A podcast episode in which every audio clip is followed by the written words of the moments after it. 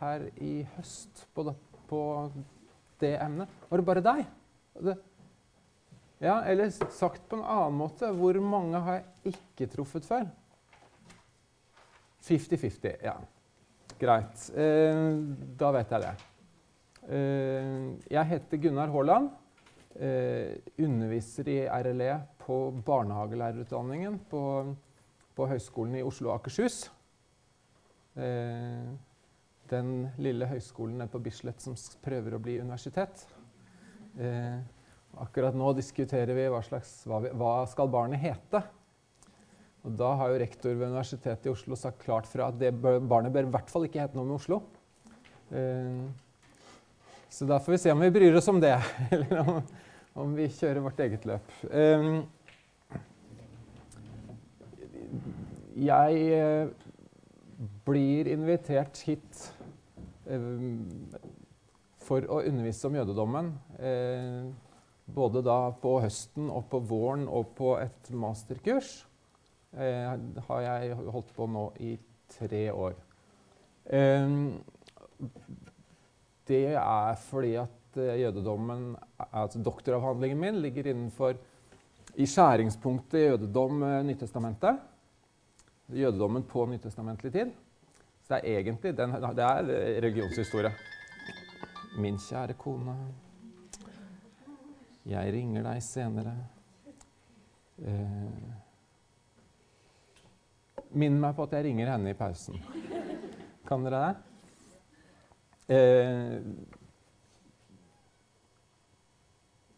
jeg traff kona mi da jeg studerte i, eh, i Jerusalem.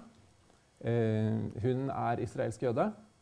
Så våre barn vokser opp, og jeg er teolog fra MF. Så det er en litt, eh, litt uvanlig kombinasjon. Eh, Dvs. Si, i den jødiske menigheten i Oslo så er det egentlig veldig vanlig med sånne blandede ekteskap. Egentlig alle ekteskap er jo blandet på forskjellige måter. Det er jo blandet av to forskjellige personer. Eh, derfor så kjenner jeg eh, den jødiske menigheten i, i, Oslo ganske godt også. Og derfor så har jeg på en måte eh, tatt mange studiepoeng som jeg ikke har fått studiepoeng på. Altså, jeg har studert jødedommen mye uten å få studiepoeng for det. Um, I dag Jeg pleier ikke å gå i hvit skjorte når jeg kommer her for å være timelærer. Uh, det er ikke til ære for dere. Uh, vi skal rett og slett i begravelse etterpå. Det er så trist som det kan Nei, det er ganske trist. Det er en mor i slutten av 30-årene som er død av kreft. Etterlater seg mann og to små barn. Eh, hun døde i går. Fra, altså en jødisk begravelse kommer veldig fort etter, etter dødsfallet, akkurat som en muslimsk begravelse. Så det er første gangen jeg skal være med på, på det. Uh, og jeg nevner det ikke bare for å liksom ha en sånn halvgod unnskyldning hvis jeg er ufokusert og, og, sånn i dag, men jeg nevner det fordi at det, det, illustrerer et poeng som jeg kommer til å prøve å, øh, å hamre litt i denne forelesningen. Nemlig at i jødedommen så er Hvis vi ser på, hvis vi ser på etikken eller ser på moralen som, eller moralsystemet som, som et slags tre, så er det som et sånt frukttre som har, sånne, som har et sånt lite gjerde rundt. Altså, eh, det finnes en slags sånn støttestillas, eh, og det er alle, alle ritualene som, eh, som, er knyttet til hverdagen og til, til livsfaser. Jeg satt i, i, det jødiske menighetshuset i, i høst en gang og ventet fordi at en av barna våre var på sånn ukentlig religionsopplæring. Eh, og så kom det en av de liksom En av støttene, en av de liksom hva skal vi si da, flotteste, godt voksne damene. Eh, og det hun skulle gjøre, var å klippe stoff. Fordi de skulle sy nye sånne drakter til eh, Altså likkleder, likdrakter. For de syr de selv. Og så fikk jeg da en halvannen times uformell innføring i jødiske begravelsesskikker. Og plutselig så ser jeg på en måte mine begravelsesskikker eh, med nye øyne. For når du ikke har sammenlignet noe med noe, så ser du ikke hva som er spesielt med det ene og det andre. Eh, og hun fortalte at de, de er omtrent de eneste, eneste menigheten i eh, Europa hvor medlemmene selv sitter og syr disse, disse, draktene. Så sitter man der i en sånn blanding, altså en blanding av alvor over hva det er man lager dette her til, blandet med at det er veldig hyggelig å være sammen. Um, så altså Ritualene som et sånt eh, stativ, støttende stativ rundt eh, moralsystemet.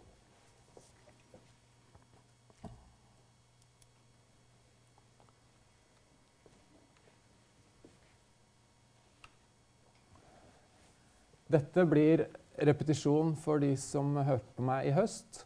Eh, og sånn må det bli, for du kan ikke snakke om eh, etikken i en religion uten å liksom plassere den etikken i den religionen. Og akkurat i dette tilfellet så passer det veldig, veldig greit eh, eh å starte akkurat her hvor jeg startet den eh, forrige forelesningen eh, i høst. Det kom en romersk soldat til rabbi Hillel og sa 'lær meg jødedommen på ett ben'. Altså 'lær meg jødedommen på stående fot'. Jeg regner med at det er derfra det uttrykket jeg kommer. Eh, et artig ordspill. Eh, et ben på hebraisk heter eh, regel.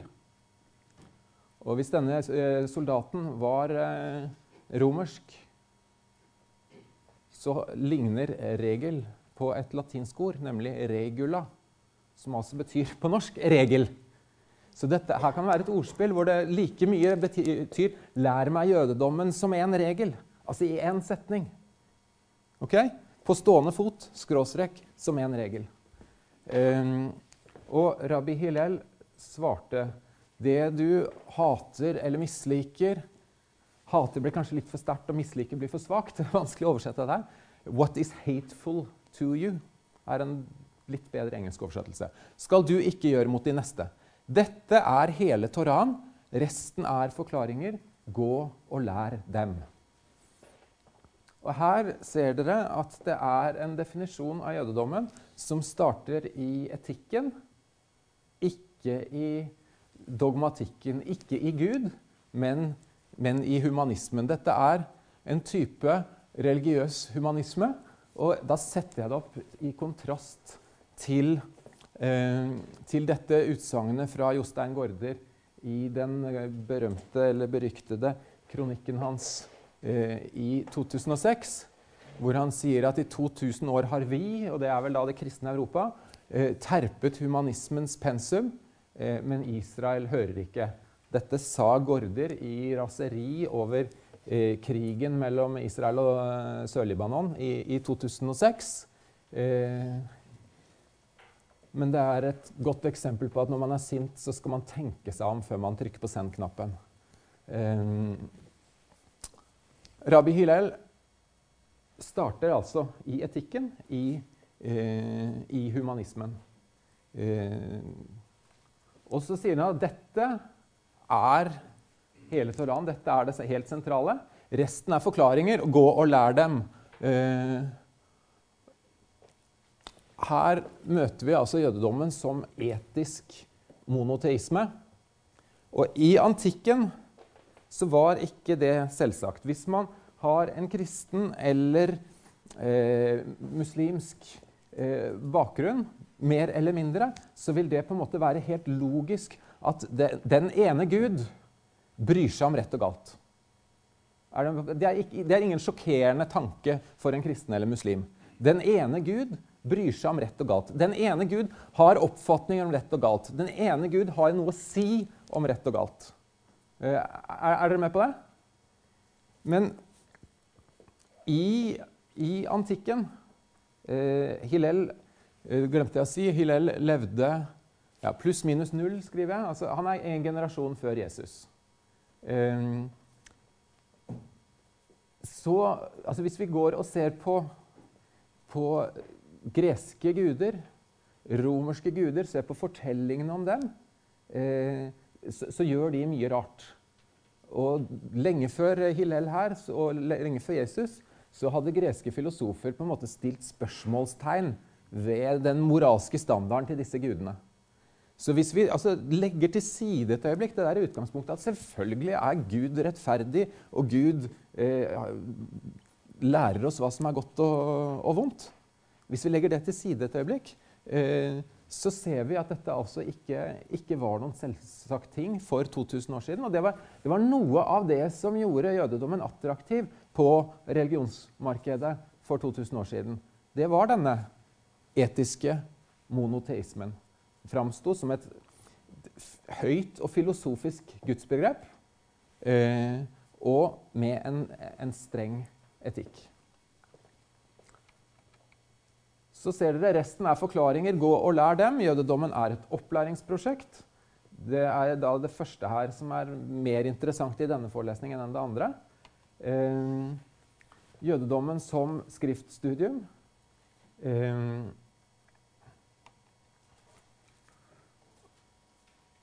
jødedommen som åpenbaringsreligion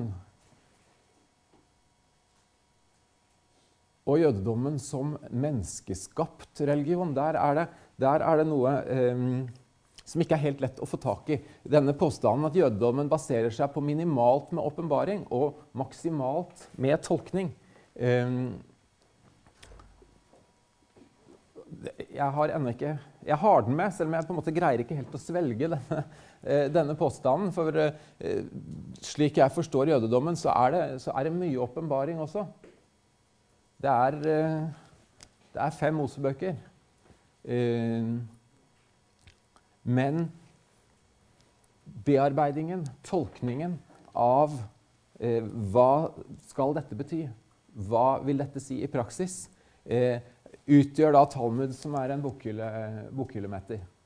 Og det utgjør si, mange flere bokhyller.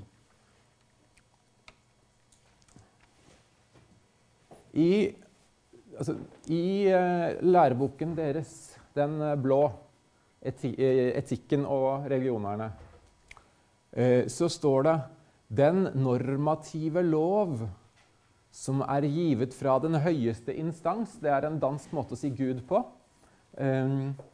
er således paret med troen på menneskets intellektuelle evne til å følge den, og da kunne jeg også si til å tolke den og følge den. De, mange, de jødiske lover er, som man forstår, til permanent debatt. Og på mange måter er diskusjonen selve nerven i jødisk teologi og filosofi. Altså det er typisk jødedommen å si på den ene siden, på den andre siden. Eh, Talmud her nede til høyre er et argumentasjonsarkiv. Er en enorm opphoping av for og mot. Eh,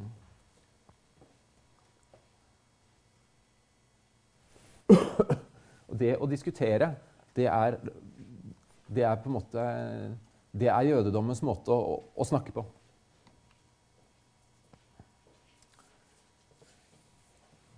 Mine studenter på barnehagelærerutdanningen eh, de sitter i disse dager med et sånt arbeidskrav eh, hvor vi møter dem én og én og diskuterer bl.a. etikk med dem. Eh, og en av de tingene som jeg prøver å, å hamre inn i, i min etikkundervisning, er at etikk henger sammen med menneskesyn og virkelighetsforståelse. Altså, etikk inngår i et større livssyns... Eller livstolknings... I en større livstolkningsramme. Det er forskjell. Altså, min etikk blir forskjellig hvis jeg sier at jeg er skapt i Guds bilde og satt til å forvalte skaperverket. Satt opp mot hvis jeg sier at jeg er et dyr som alle andre dyr, som styres av mine eh, drifter, og av Altså det som, det som hersker, er elektrokjemiske prosesser i hjernen. Eh, det skaper, altså To for, helt forskjellige menneskesyn skaper eh, forskjellige rammer for etikk. Så betyr ikke at, det, at ikke da den eh, den religiøse og den naturalistiske personen kan, komme, kan bli enige om eh, mange normer og verdier. Være enige om mange normer og verdier. Men altså, etikken henger sammen med, med menneskesynet. Sånn. For det er der den, det er der den på en måte har røttene. Grunnleggende er troen på den menneskelige frihet og troen på at mennesket kan velge det rette og gode. Eh, ville, ville Martin Luther vært enig i det første det utsagnet der?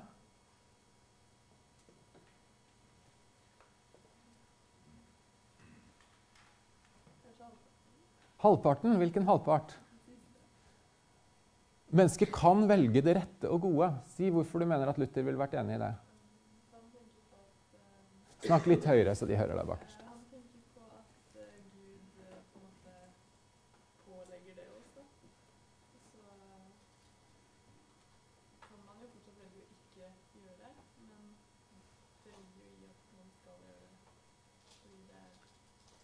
Loven i skapelsen eller noe sånt. Er det ikke det hørte dere henne? Nei. Skal jeg prøve å gjenta? Du, du sier at Gud har gitt mennesket, ifølge Luther, frihet til å velge Velge bort det gode. Ja, Det- det. Det Ja, ulydighet. Mennesket er fritt til, til å være ulydig. Er det litt det du sier? Ja, på en måte. Men jeg klarer ikke sånn. Hva sa du? Ja, kanskje. Eh, jeg spinner litt videre. Eh, er mennesket fritt til å velge det gode? Det ligger liksom i Første Mosebok 3 at mennesket er fritt til å velge bort Guds vilje. Er, er dere med på det? Men ifølge eh, Luthers kristendom Nå er ikke den jeg skal prate om her, da. Eh, er mennesket fritt til å velge det gode? Til å følge Guds vilje?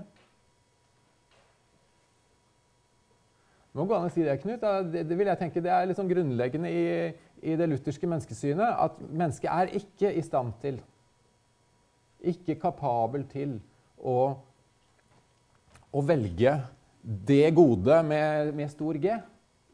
Eh, men mennesket har altså Sånn oss imellom så, så gjør vi godt og vondt. Så altså, vi har en, en, en frihet som eh, på dette på dette planet, men ikke, altså, ikke på dette. Her, vil det være, her er det altså en forskjell mellom luthersk kristendom og, og jødedommen. Når, nå snakker jeg selvfølgelig da i st- veldig store bokstaver. En, jeg, jeg traff en, en, en, en lærd, ortodoks eh, jødisk kvinne eh, som er eh, mye involvert i religionsdialog i Jerusalem. og og hun skal visstnok ha sagt at jeg, jeg skulle ønske jeg var lutheraner, men det får jeg ikke til.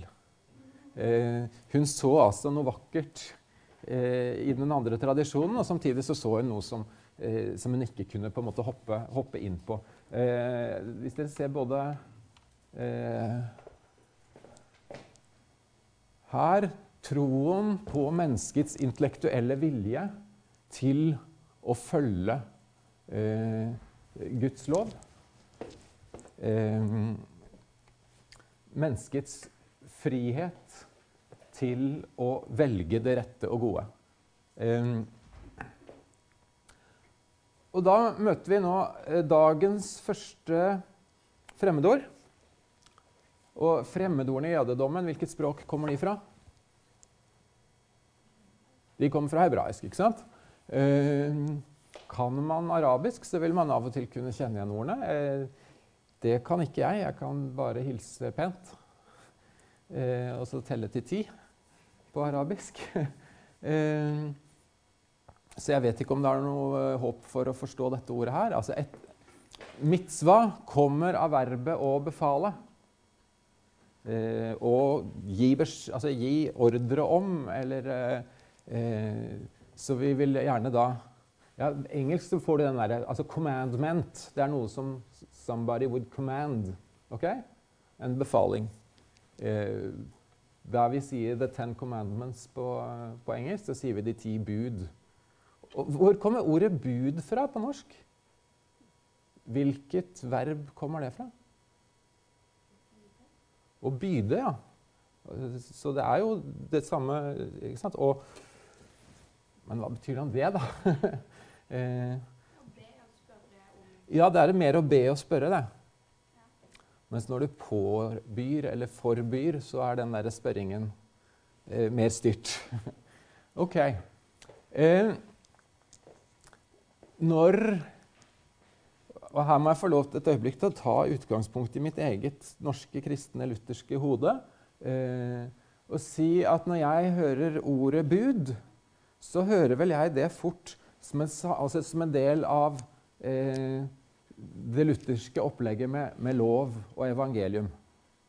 Hvor lov er det Gud krever, og evangelium er det Gud gir.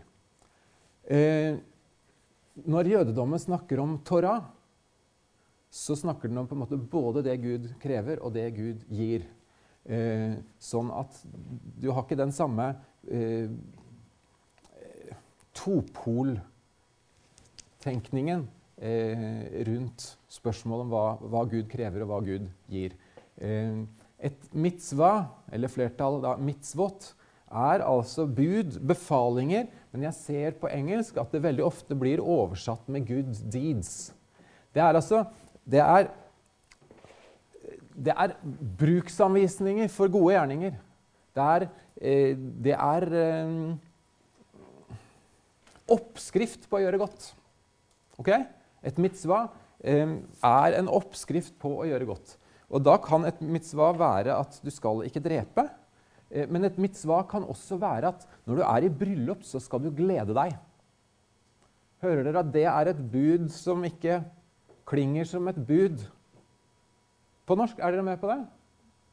Eh, det er altså Da er når hva er det som, er, det som er altså Hvordan oppfyller du meningen med å være til stede i bryllupet? Det gjør du ved å, å glede deg med, eh, med brudeparet. Eh,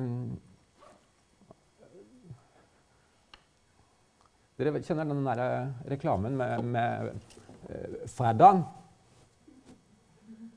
Den er på en måte tatt rett ut av jødedommen.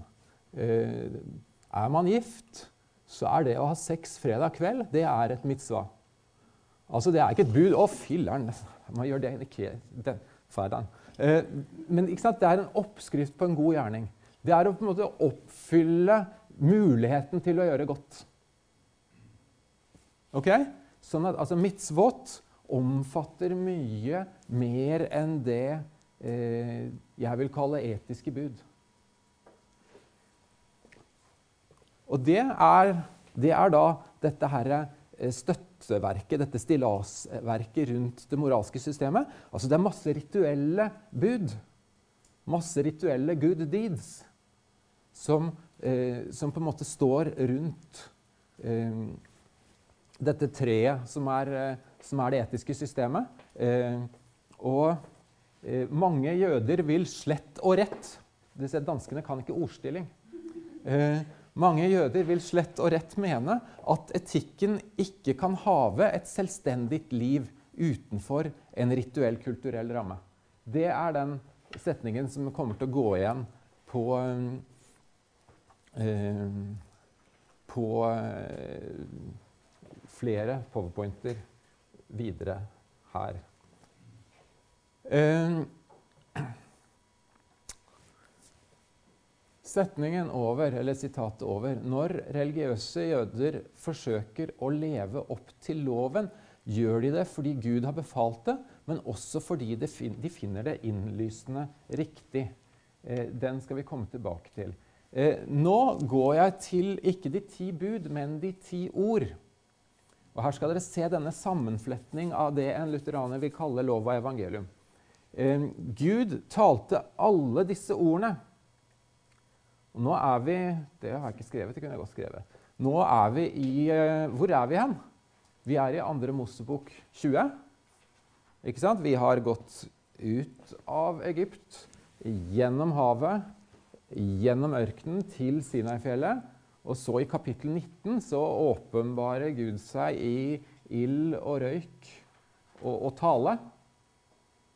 Og så talte Gud alle disse ordene. Og da ser dere at det første ordet Herren talte, er følgende Jeg er Herren din Gud som førte deg ut av Egypt, ut av slavehuset. Er det et bud? Nei. Er det noe Gud krever? Nei. Er det noe Gud gir? Altså, er det en setning om hva Gud gir? Er dere med på det? Ja. Eh, så der starter tellingen. Det vil si, bibelteksten eh, Ja, se der. Der står det igjen et, et sånt vers, men det skulle ikke vært der. Eh, bibelteksten kommer ikke med eh, nummerering fra 1 til 10. Eh, og Derfor så finnes det ulike nummereringer. Dette er en annen nummerering enn den eh, jeg lærte på, i kristendomskunnskap på barneskolen og, og møtte som konfirmant. Hvor startet jeg da? Hvor startet mine ti bud? De startet der. Du skal ikke andre guder enn meg. Er dere med? Der startet mine ti bud. Og det var altså ti bud. Mens når vi tar med den der, der som det første, så er det ti ord. På svensk så snakker man om 'de tio budorden'. Så svensk er litt nærmere den, den jødiske Falt jeg ut nå? Nei. Eh, litt nærmere den jødiske tilnærmingen her, men ikke helt. Altså, dette er ikke ti bud. Det er holdt på å si, eh, det er ett evangelium og, og, og ni, ni, bud. Eh, jeg er Herren din Gud, som førte deg ut av Egypt, ut av slavehuset. Eh, jeg tror jeg hopper tilbake Ja, nei, søren. Eh, de den, dere ser lovtavlen til høyre her. ikke sant? Uh, og her er det bare nummerert fra 1 til 10. Dvs. Si det er nummerert med bokstavene, de hebraiske bokstavene. liksom uh, ja, A, B, G, D, H osv. til J. Uh, ofte så står det her første ordet i disse budene. Og da vil det stå 'jeg' her. Altså ikke 'du skal ikke ha andre guder enn meg', men 'jeg er Herren din Gud, som førte deg ut av Egypt, ut av trellehuset'. Eh, der var vi. Eh, det finnes imidlertid også innenfor eh, jødedommen en annen måte å telle på, hvor man begynner der hvor jeg lærte å begynne, nemlig, nemlig her. Du skal ikke ha andre guder enn meg. Eller det finnes også en måte å telle på hvor du starter her, og så drar du helt dit. Jeg er Herren din Gud som førte deg ut av Egypt, ut av slavehuset. Du skal ikke ha andre guder enn meg. Ok?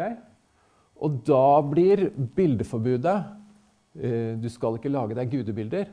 Blir bud nummer to. Og så er det felles listing fra, fra T til 10. Det interessante er at når man, leser, altså når man ser på synagogekunst, ser på sånne lovtavler i kunsten med, med, med sånne førsteordene, så er det denne uh, måten å telle på. Det, alltid, det, står alltid et 'jeg' øverst til høyre.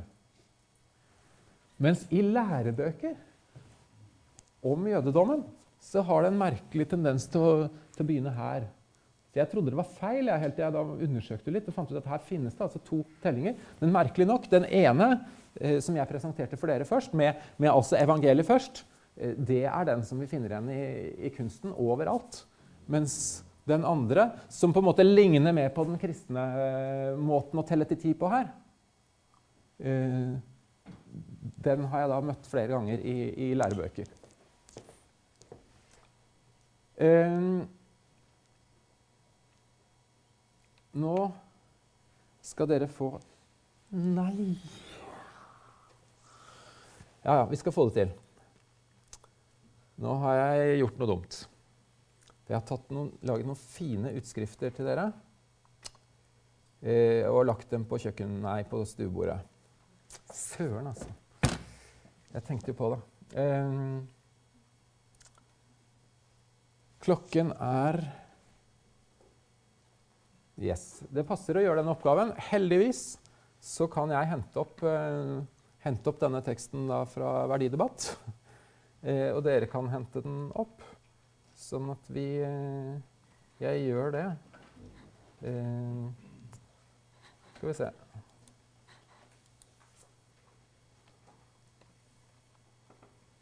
Det må gjøres sånn. Would you stop recording? Yes. Eh, so far. Og hva er det jeg gjør da, Knut?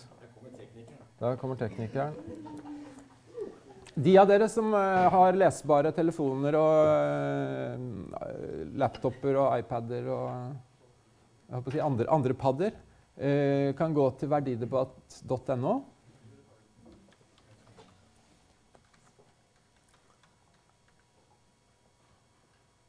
Og jeg som kom for seint hjem i går fordi jeg sto og kopierte. Filler'n, altså.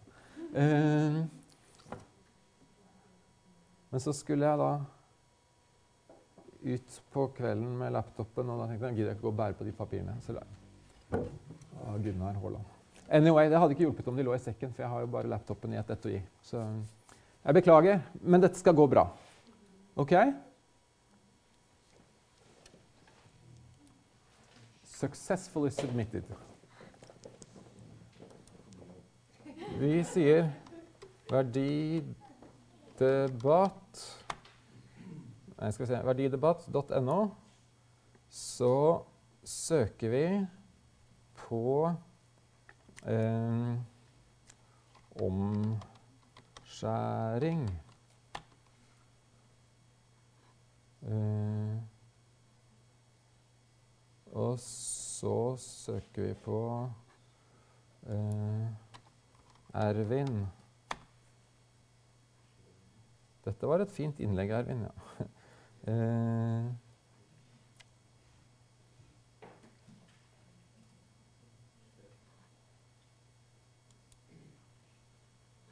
Her var den. Her var den. Omskjæring. Å argumentere sekulært eller religiøst. Eh, finner dere den? Eh, da tenker jeg at jeg må blåse den opp. Sånn. Dere trenger, må dere ha den enda, høyere, eh, enda større? Er dette leselig nå? Eh, da skal dere altså lese denne her, og så skal, er spørsmålet hva gjenkjenner du som, som, som typisk jødisk i måten han, eh, han argumenterer her. Ok? Og det er selvfølgelig alltid spørsmål altså, Jeg tenker jeg, Når man underviser om en religion, så er det så står man i feil Man er på en måte dømt til å generalisere. Er dere med? Man er dømt til å forenkle, man er dømt til å lage en, sånn, en overforenkling. Eh, derfor så prøver jeg å si at jeg prøver å unngå å snakke om jødene sier og jødene mener. og jødene, ikke sant? For det, det, blir, det, blir, en overforenkling. Det er et så stort mangfold. Det er så forskjellige måter å tenke og gjøre. Eh, men jeg tillater meg å snakke om noe som, noe som liksom typisk karakteristisk. Og det er det vi nå kanskje er på, jakt etter. Da har jeg f.eks. sagt at det er typisk jødedommen å si på den ene siden, på den andre siden. Diskusjonen er, er som jeg sa, det er, liksom, det er, måten jødedommen snakker på. Det er dialog. Um, OK.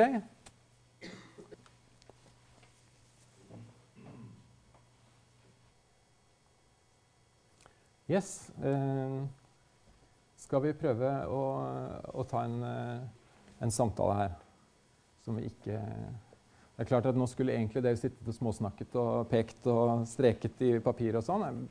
Eh, sånn ble det da ikke. Alltid noe som går gærent når jeg kommer hit, altså.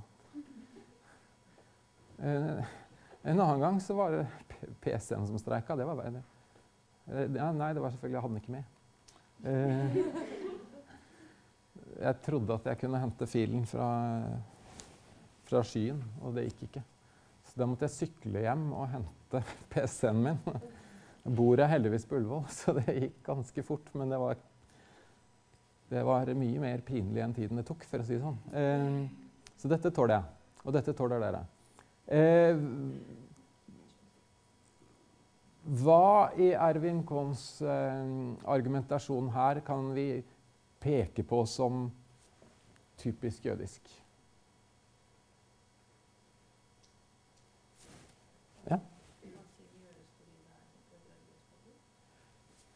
Det religiøse påbudet.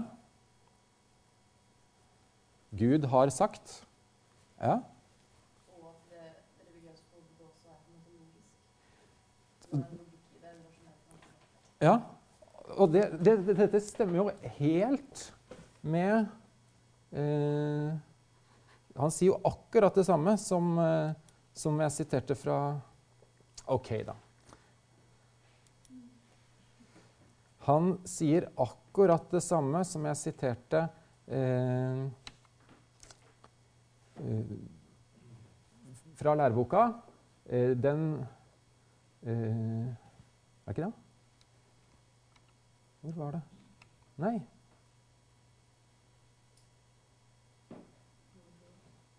Ja, nummer to er det den. Søren at jeg starta det opptaket. eh, nei, det var det. Kanskje det kommer etterpå. Sånn er det. Eh, altså det, denne, det som var poenget mitt her nå, var denne eh, Altså, Guds bud er fornuftige. Altså, eh, Den derre lydigheten mot Guds befaling som du snakker om, lar seg kombinere med fornuften.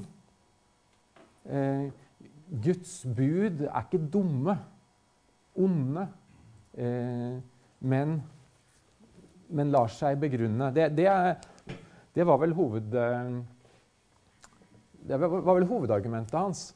Eh, flere ting som dere syns er verdt å ta med seg herfra?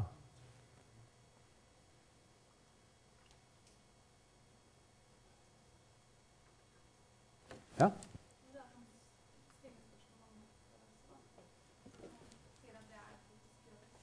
Ja. Jeg kan ikke nøye meg med å bare si 'Gud har befalt'. Jeg må også stille spørsmålene 'hvorfor'. Og Det betyr at i jødisk tradisjon, bak ethvert mitzva, ethvert bud, enhver befaling, enhver eh, foreskrevet god gjerning, eh, så finnes det en diskusjon, og det finnes noen begrunnelser. Ja? Eh, og derfor nekter han å nøye seg med en religiøs begrunnelse.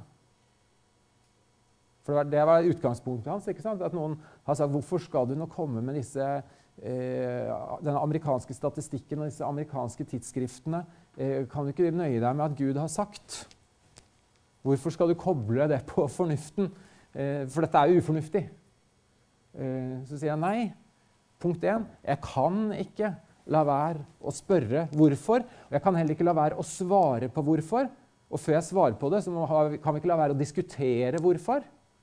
Eh, og jeg kan ikke la være å si at eh, Guds bud er, er fornuftig. Ok? Da har jeg indirekte egentlig pekt på eh, det kanskje mest tydelige typisk jødiske her. Nemlig det han, han sier jo akkurat det samme som jeg sa, at diskusjonen er vår måte å snakke på. Er dere med på det? Den så dere. Selv om ingen sa det. Så bestemmer jeg at den så dere. Eh, de jødiske lover er, som man, vil, som man forstår, til permanent debatt. Og på mange måter er diskusjonen selve nerven. OK. Eh, da er klokka ti blank. Eh, hvis dere kjenner deres medstudenter rett eh, altså Nå er noen kommet sånn underveis her. Er det mange som kommer nå de nærmeste 15 minuttene også? Hæ? Det er sannsynlig. Det jeg lurer på, det er skal vi holde på i, i fem minutter til nå? Hæ? Eh, For det jeg lurer på, det er om vi skal holde på i fem minutter nå. Så hvisker jeg til dere som har vært her fra starten, at nå kan dere ta 20 minutters pause. Wow. Og så sier vi ikke noe til de som kom sent. Og så sier vi ikke noe til, og så kan jeg rett og slett klokka kvart over gi en rask intro til de som kom underveis nå. Er det, er det Dere som kom underveis, vil dere ha den? Jeg gjør det sånn. Jeg holder på i fem minutter til. Jeg gidder ikke å diskutere. Jeg er kristen, holdt jeg på å si. Uh, uh, uh, nei, det var sleivt, det. Eh, jeg holder på litt til, og så blir vi enige om hvor, hvor lenge pausen er.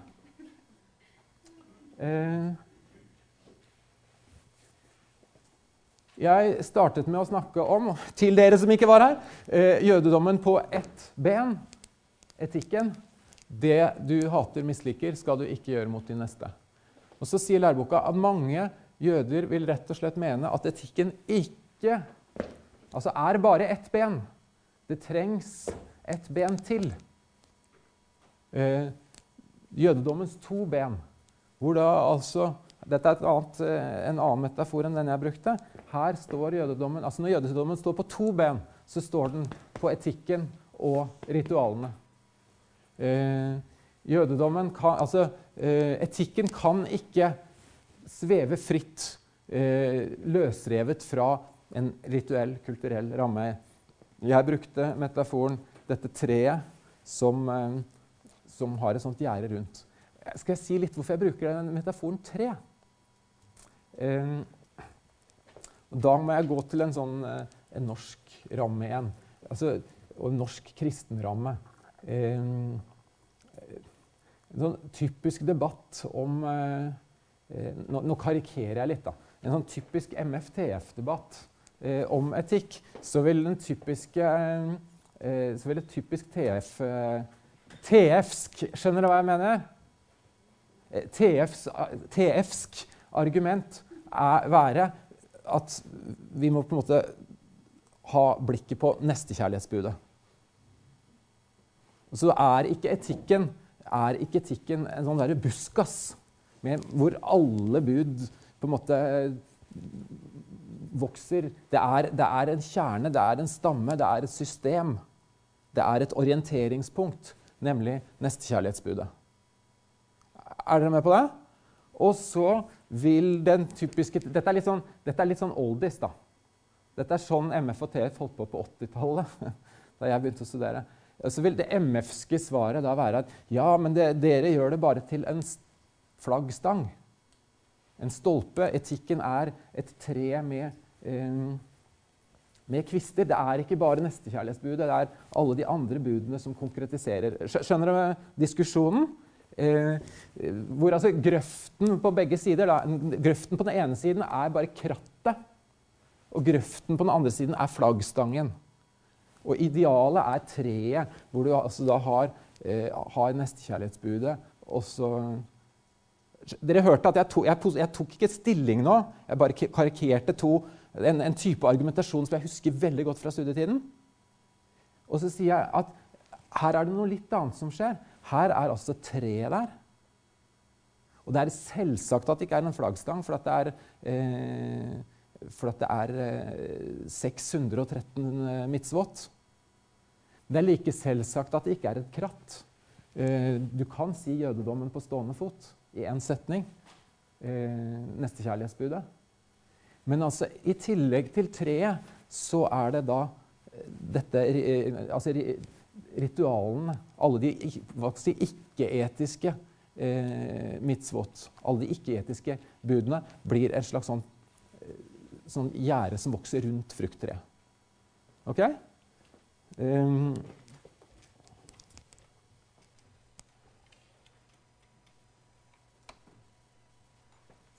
ja, der må vi ta pause. Eh, pause i 20 minutter. De som vil ha Da gjør jeg sånn, og så kan du lagre den. De som vil ha repetisjon på starten, kommer tilbake kvart over. Og har pause i ti minutter. Er det greit? Ja.